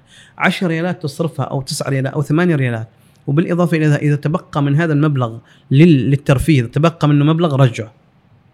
لا تقول على أنه صرفوا 8 ريالات للألعاب وريالين بنمشيهن تو بنشتري بهن شيء. إذا للترفيه اجعلها للترفيه. كل شيء حطه دقيق ومنظم في حياتك المالية وبتشوف على أنها حياتك المالية مرتبة منظمة. لما يجيك يقولوا لك على أنه صار أمر طارئ في البيت يتصلوا فيك إخوانك السلام عليكم ألو فلان. لو سمحت محتاجين أمر طارئ أنك تدفع 200 ريال. لا إذا كنت منظم ماليا أنا أؤكد لك على أنك أنت ما بتكون عالة ولا بتف ومباشرة المبلغ عارف من وين تجيبه عشان تعطيهم إياه. لما يكون معك أنت ادخار مالي ومنظم ماليا وعارف انه هذا المبلغ للطوارئ هذا أمر طارئ حصل. تشيل هذا المبلغ من هنا ال 200 وتعطيهم إياه وتنام وأنت مرتاح. أستاذ يوسف مثل ما يقال واسف على المقاطعة. وأنا وأنا ما أحب ما أحب الجانب التنظيري إيه اللي هو نظريات وما أعرف إيش كذا وأترك الموضوع الحقيقي. أنا ما أنا بعيد عن المثالية. لا أنا لا لا ما تعجبني موضوع المثالية في في إدارتكم على المالية. لا. عيش الواقع عيش الحقيقة. ودائما أقول ان تعيش الحقيقة إيش المرة هذا ما مقولتي أنا هذا كسبتها من من أقوال محمد راتب النابلس الشيخ محمد راتب النابلس يقول أن تعيش الحقيقة المرة خير من أنك تعيش إيش؟ الوهم, الوهم المريح. نعم. انك تعيش إن شاء الله مرارة الحياة أفضل. من أنك أنت تعيش لي في وهم وصار معك ظرف طارئ تروح للبنك وتاخذ من هناك يعني ستة آلاف وتعيش حياتك وتستمتع ولا أنك تروح تتزوج لي مثلا تاخذ قرض 15000 عشان الزواج ب 10000 وأنت تعيش يعني لمدة يمكن ستة شهور إلى سنة ب 5000 مترفبن وعايشين مستمتعين بعدين بتشعر بالمرارة ليش؟ ليش ما تعيش مرارة الحياة؟ ليش ما تشعر على أنك أنت محتاج أنك تصبر شوية؟ ليش ما تشعر على أن أنت محتاج أنك تصبر عشان تتزوج إن شاء الله؟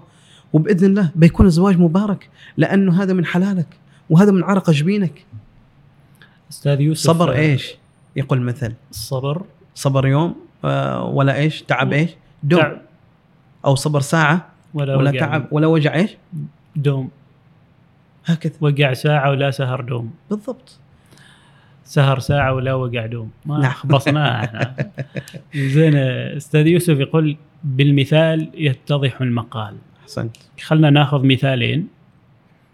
نحاول إن يعني طريقة عملية جميل. نطبق عليهم. شخص عنده راتب 400 ريال وآخر عنده 1000 ريال. 1000 ريال. هل يسوي له Excel sheet ويقول لك إنه هذه مصروفات ثابتة شهرية وهذا قرض يعني مصروف آه، شهري حل آه، قسط للقرض. وهذه مصروفات آه، يعني ما انها أساسية ما شهرية طوارئ ممكن نسميها. وهل هذا مال ترفيه؟ وهل هذه الخانة للادخار؟ وش هي الطريقة؟ على أساس إنه يعني إحنا ما قاسين نوقع الفئه معينة. هم في نفس ال- المرتب يعني. نعم.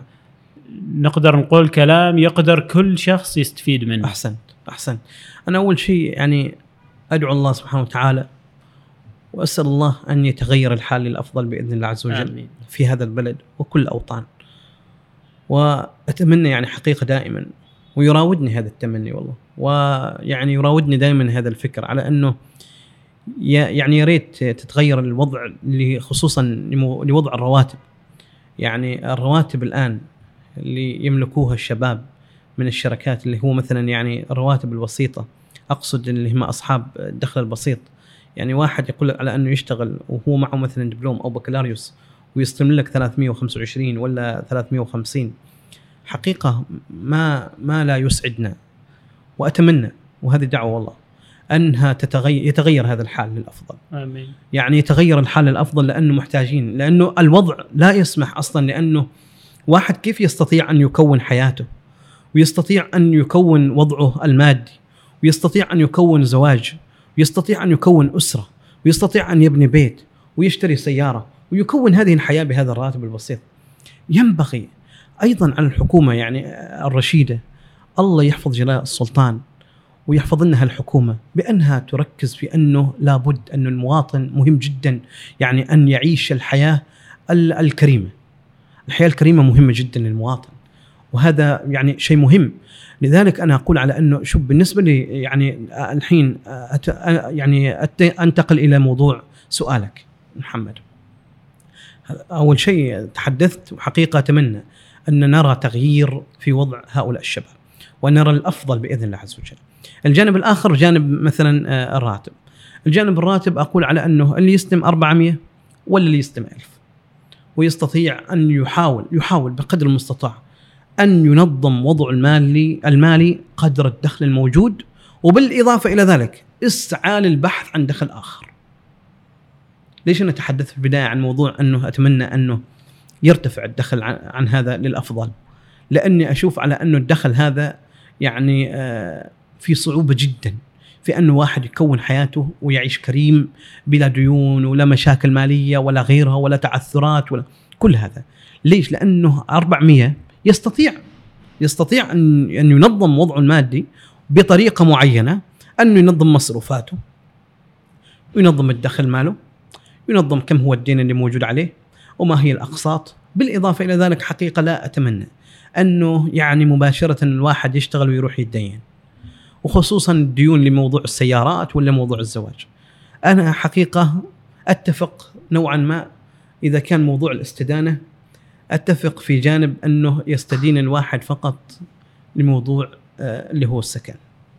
السكن ربما هو الآن أصبح هاجس صعب جدا انه واحد يستطيع أنه يعني يبني بيت آه، بالراتب لكن لمن يستطيع أن يكون بناء منزل من راتبه بلا قرض هذا رائع جدا.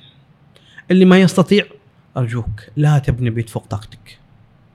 قدر المستطاع ابن بيت قدر حاجتك إذا كان أنت يعني تكفيك ثلاث غرف ومجلس وصالة أرجوك ابني كذا ما محتاج أنك تبني لأهلك وحيانك وجماقك وناسك اللي بيجوا وضيوف ربما يجوا مع احسب لأسرتك وعيش حياتك ببساطة وكون هذا هذا البيت. أفضل لك أنك تعيش أنت كريم في بيتك. أفضل من أنك أنت تعيش في ديون كبيرة. وعيش قدر المستطاع يعني بإمكانياتك. ودائما أقول عيش في دائرة إيش؟ الممكن. أو عيش في دائرة الموجود. ولكن اسعى. اللي ما موجود اسعى له. لا تقول لي أنا والله نصحوني أن أعيش في دائرة الموجود. خلاص أنا أعيش في هذه الدائرة. ويعني أتمركز فيها وأستمتع بحياتي فيها. لا لا يا سيدي أرجوك عيش في دا في هذه الدائرة وابحث عن غير الموجود. المفقود الما موجود ابحث عنه. اسعى له. اسعى لأنك تحصل فلوس. اسعى لأنك تحصل دخل آخر. لأنه مثال اللي هو مثلا 400 ريال. خلينا نأخذ هذا هذا الراتب. أنا دائما أقول على أنه مثلا قسم هذا الراتب بطريقة معينة. وأنا آه، الطريقة اللي دائما يعني آه، يعني أنصح فيها اللي هي 20 30 50 صح؟ 30% من الراتب حطها للديون والقسط الشهري أو التمويل أو غيره. 20% للادخار والاستثمار. ولكن بإمكانك وهذه ما قواعد قرآنية هذه قواعد بشرية أنا ساعدتني هذه القاعدة ربما لتنظيم وضع مادي. ربما محمد أنت تساعدك بطريقه طريقة قاعدة أخرى.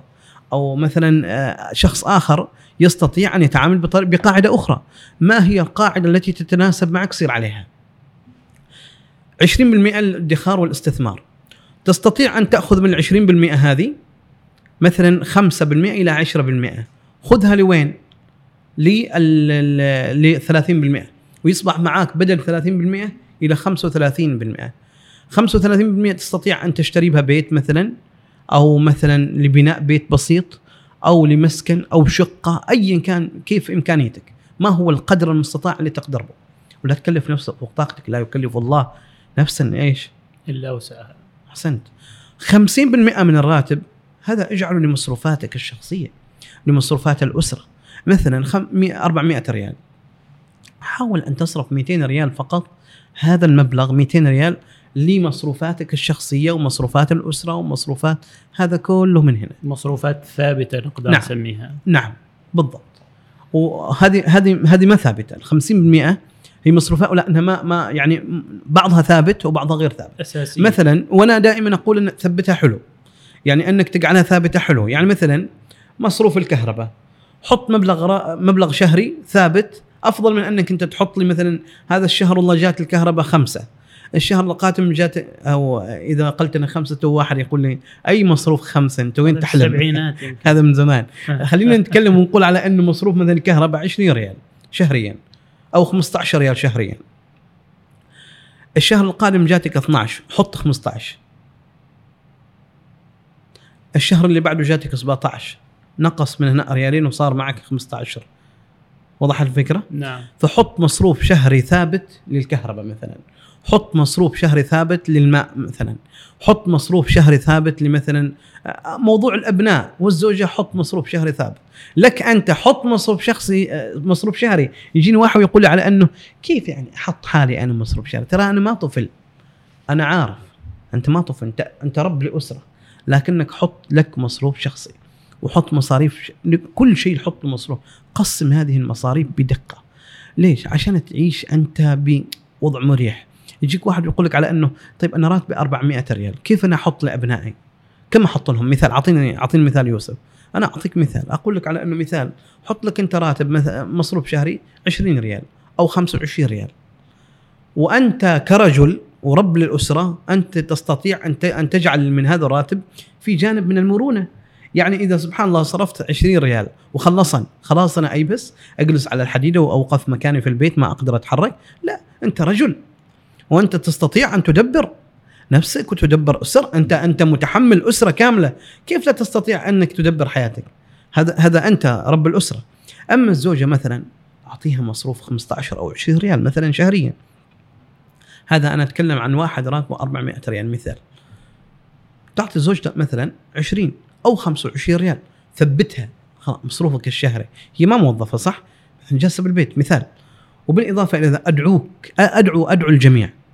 أنها هذه الزوجة اللي جالسة بالبيت تبحث عن أي شغلة تستطيع أنها توفر.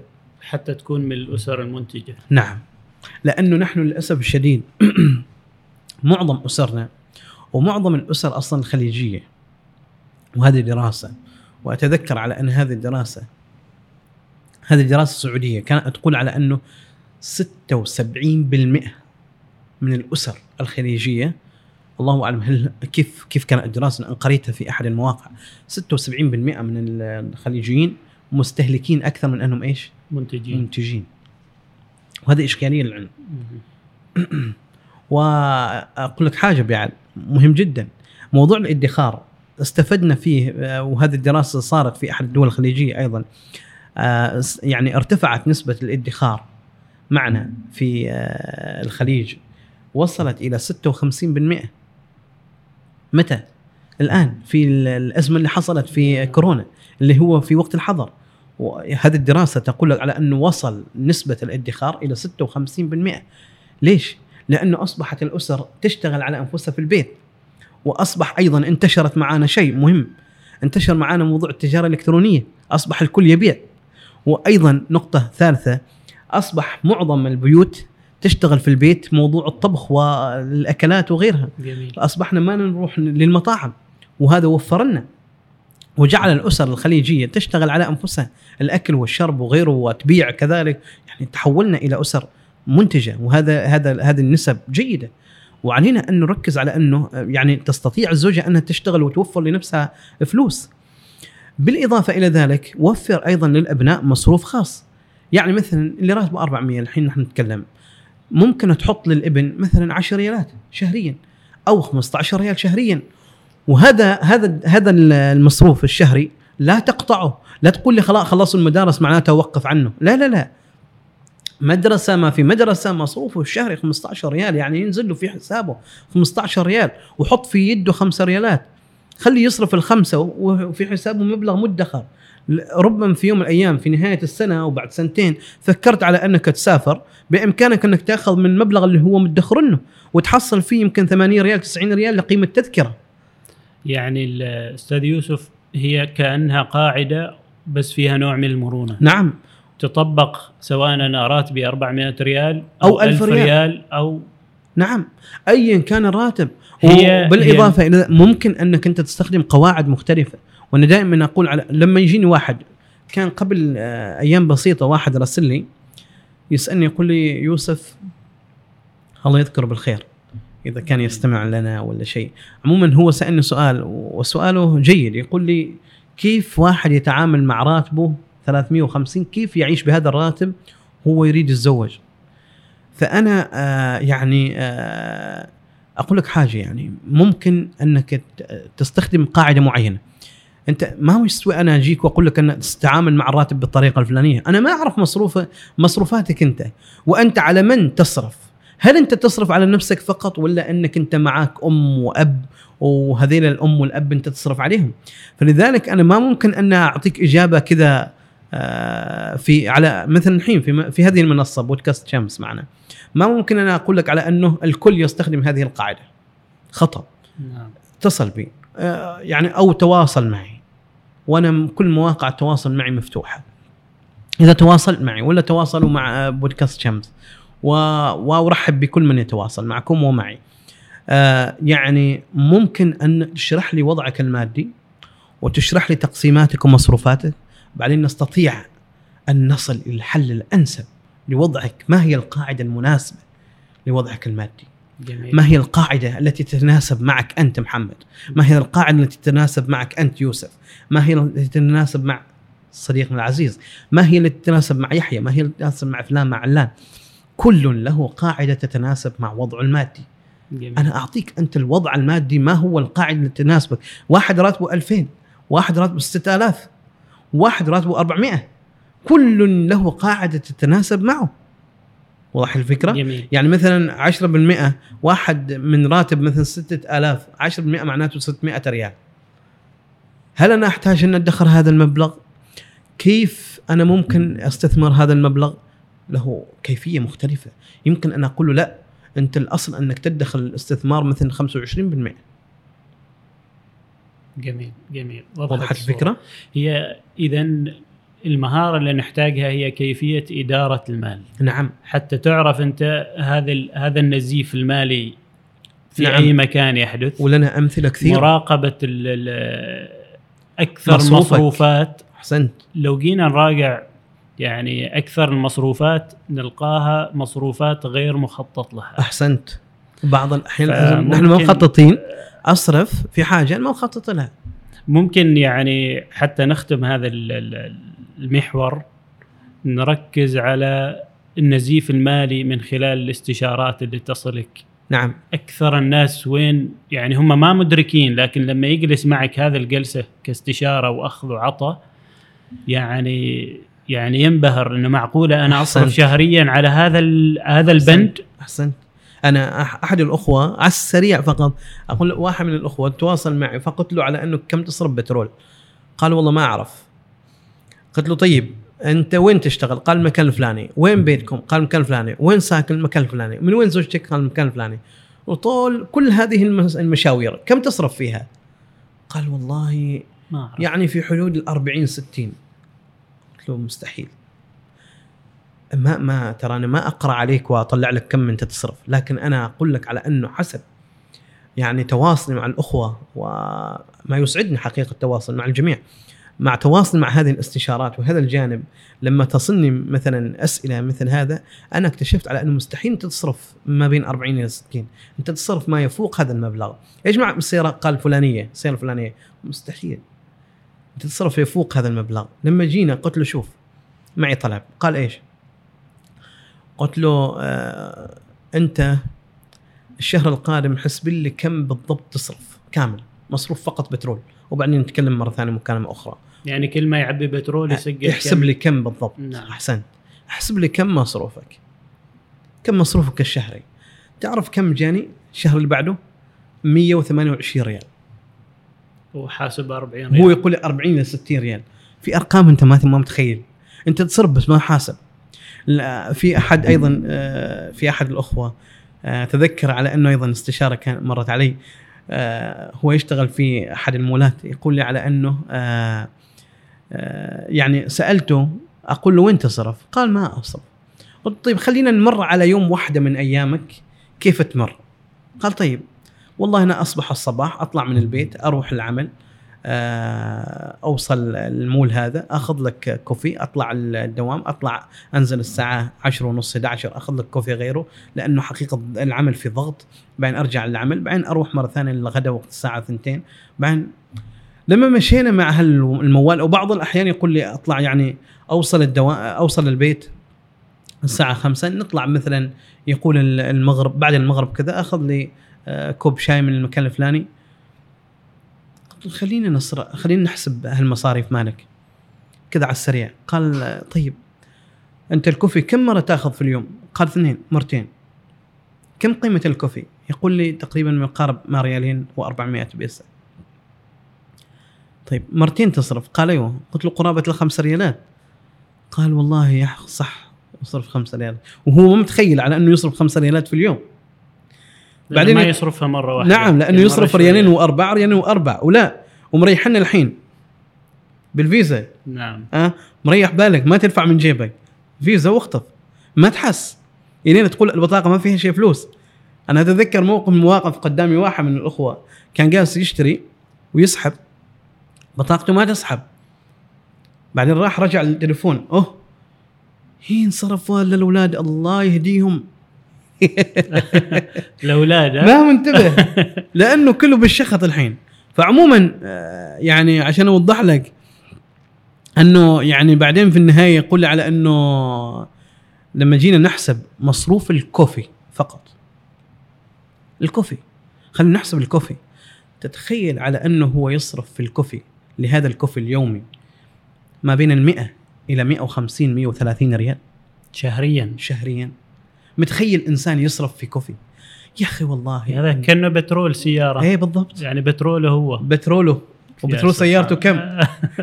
لو جينا نحسب نحصل بترول وسيارته ب 120 والكوفي 120 نفس بترول السيارة. سبحان الله. فلذلك يعني آه لو نجي نركز يعني لمصروفاتنا البسيطة هذه هي ما تستنزف أموالنا.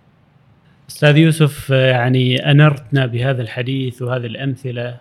هو فعلا يعني الواحد قد يكون غير مدرك في هذا الصرف خاصة إذا كانت يعني مبالغ بسيطة.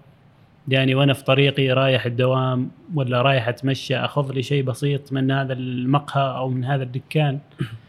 لكن هي أشياء تراكمية. لو أجي أحسبها على الشهر يطلع لي مبلغ كبير ممكن. أستغله في شيء أكثر. بالضبط. آه، إحنا ما نقدم حلول يعني مجرد إنه كنوع من الوعي المالي كنوع من التوعية آه، نشكرك على إنك سلطت الضوء على أشياء ممكن إحنا كنا ما ما كنا نشوفها بوضوح. فاشكرك الله يبارك فيك. شكرا جزيلا على تلبية عافية. الدعوة وعلى أن تعبناك بالأسئلة بالعكس. ما شاء الله بالعكس عليك والله يعني أنرتنا. أنا أشكركم. وحقيقة لا, لا يثري كان الحديث إلا أسئلتكم. بارك ولا يثري كان الحديث إلا كلامكم. يعني هو كلامك وحديثك ما جعلني أنا حقيقة يعني آه، يمر الوقت كذا سريع ولا نشعر يمكن وصلنا الآن إلى يعني الساعة آه. بس ما كان ما كان معي شعور على أنه في شيء من الملل ولا أشعر ب يعني جعلت الوقت يمضي سريع جدا وأنا. حقيقة دائما أسترسل في الحديث هذا لأنه يعجبني والحديث حول المال أحبه يعني من الأشياء اللي أحبها موضوع ال- الوعي والإدارة المالية والتنظيم المالي ومعاي إذا إذا تسمحوا لي بعض النصائح جميل. السريعه جدا. جميل. خصوصا ل يعني مثلا اللي هم الشباب اللي يملكوا مثلا رواتب البسيطة. وأيضا هذا ال- النصيحة تصل أتمنى أنها تصل أيضا لمن يملك حتى الراتب الكبير. آه، اللي هو مثلا موضوع الشراء آه، أو التسوق. آه، النصيحة الأولى أنك لا تشتري في بداية الموسم أغراضك. مثلا الأشياء الشتوية اشتريها في الصيف. الأشياء الصيفية اشتريها في الشتاء. جميل. مثل ملابس شتويه اشتريها بالصيف ملابس الصيفية اشتريها في الشتاء ليش؟ حتى تتعارض أنت مع إيش؟ مع المبيعات. فايضا آه لكن يعني كذاك ما يحصل آخر موضة. آه؟ آخر يبحث عن. الموضات، ها؟ أيوه. لا أترك الموضات في صوب وريح بالك وعيش حياتك. جميل. هذا هذا هذه نقطة، النقطة عن الثانية أيضا نبتعد شوية عن الترفيه والتمشية الدائمة في أماكن في المتاجر الكبيرة. لأنه لما تروح لمتجر كبير وتقول لي رايح أتمشى خطأ، مكان الترفيه روح حديقة فيها أشجار وفيها آه، مكان للترفيه فعلا. لأنه هذا مكان آه، تجاري معناتك أنت رايح تترفه معناتك رايح تتسوق. مكان الترفيه مكان له محدد. جميل ممكن تروح لحديقة ممكن تروح شاطئ ممكن تروح منتزه ممكن تروح تجلس لي جنب وادي هذا كله ترفيه ممكن. لكن تروح لمكان المتاجر الكبيرة معناتك أنت رايح تتسوق بتدفع فلوس لهذا التسوق. ولذلك أنصح على أنه ركز وفرق ما بين الترفيه وما بين التسوق. لا تروح لمكان متاجر كبيرة عشان تت- تتمشى وتستمتع وتترفه. النقطة الثالثة أيضا دائما ما أنصح أنك تحط في جيبك فلوس كثيرة آه، وخصوصا لما تروح تتسوق أو تروح كذا. ليش؟ لأنك لما تشوف على أنه جيبك متروس فلوس يمكن تنفق أكثر. هذه نقطة مهمة. أتمنى التركيز عليها. أيضا آه، وأيضا النقطة الرابعة انه هي نقطة أنه لا أنتبه للأشياء الصغيرة. اليوم أنت تعرف بعض الأحيان للأسف نحن نروح نتشرى ويقول لك على أنه آه، قيمة ال- مثلا التسوق ب 10 ريالات و176 بيسة. آه، هذه البيسات يروح بعض الأحيان البعض يرميها البعض يروح البيت ويوقها. الب... أنا أتذكر في يوم من الأيام دخلت في بيت من البيوت وحصلت بيسات داخل آه، يعني آه، سلة القمامة الله يعزك. قلت له كيف هذه؟ غريبة كيف. شفتها قال لي هلا ما حد يستخدمهن. قلت له لو تجيبهن أنا أكد لك ان لو أنت هذا تجمع هذه الفلوس هذه ممكن تستخدمها. لا تستنزف المال البسيط. ولا تستنزف الأشياء البسيطة. ولا تستهين بالمال البسيط. هذا ممكن يصنع لك ولو ولو يصنع لك في يوم من الأيام بعد سنوات المدى الطويل يصنع لك ولو حاجة بسيطة تستطيع أن تستثمرها. هذا المبلغ. آه أيضا معي نقطة اللي هي آه المولات. لما تروح تتسوق أفضل على أنه التسوق يكون أيضا اللي هو الأشياء ال- الكبيرة والأشياء كذا الكميات. تسوقها من محلات الجملة أفضل من أنك تتسوقها من محلات المولات. تعرف لأنه بعض الأحيان هذا هذا هذا ما سر هذا موجود ولأنه الناس ما مستوعبت إنه. أن المولات أيضا تشتري من محلات الجملة بعضها. تعرف؟ تتسوق من محلات الجملة تروح تشتري لك مثلا أعطي مثال بسيط جدا وسريع. مثلا محلات الجملة إذا تبيع لك مثلا حليب المدهش ب 4 ريالات و700 بيسة. تروح تشتريها من محل المول تحصله ب 4 ريالات و990 بيسة. يعني 5 ريالات قرابة. وهنا بكم؟ ب 4 ريالات و700 بيسة. الفرق كم؟ 300 بيسه نعم. صح؟ هذا مثال بسيط والأمثلة عدة موجودة في هذا الجانب النقطة الأخيرة اللي هو يعني آه، دائما أقول آه، آه، يعني مثلا لا نهدر لا نهدر الأشياء البسيطة ولا نهدر يعني اللي هو مثلا أموالنا البسيطة المال البسيط تستطيع أن تصنع منه ثروة مثل ما ذكرت النقطة اللي قبلها فلذلك علينا أن نركز كل صغيرة وكبيرة اللي موجود معانا ونركز في حياتنا. لا تنسى نفسك ولا تنسى نصيبك من الدنيا. شكرا جزيلا الله على هذه النقاط والنصائح الذهبية. بارك الله يعطيكم ألف عافية وشكرا جزيلا لإستضافتكم. شكرا أن تعبتكم معي يعني وشكرا جزيلا لكم حقيقة لأنه آه، تبذلوا هذا الجهد الذي تصنع منه معرفة للمجتمع بإذن الله عز وجل. نسأل أن آه، الله أن يوفقكم إن شاء الله في هذا العمل وهذا الجهد الرائع جدا الذي تبذلوه بإذن الله عز وجل. من لكم كل التوفيق وشكرا كذلك لبسطه مجان لاستضافتنا يعني في هذا المكان الرائع والراقي حقيقة. مكان رائع ومكان جميل. سعد جدا بجيتنا هنا اليوم. الله بارك الله فيك بارك الله فيك. اذا التخطيط أساس للحياة. ومثل ما يقال إذا فشلت في التخطيط فقد خططت للفشل. تابعونا على كل منصاتنا أو على كل قنواتنا في منصات البودكاست Google Podcast Apple Podcast و Spotify. تجدونا على تويتر على إنستغرام وعلى اليوتيوب. شارك هذه الحلقة مع من تحب واشترك معنا ليصلك جديدنا دائما. السلام عليكم ورحمة الله وبركاته.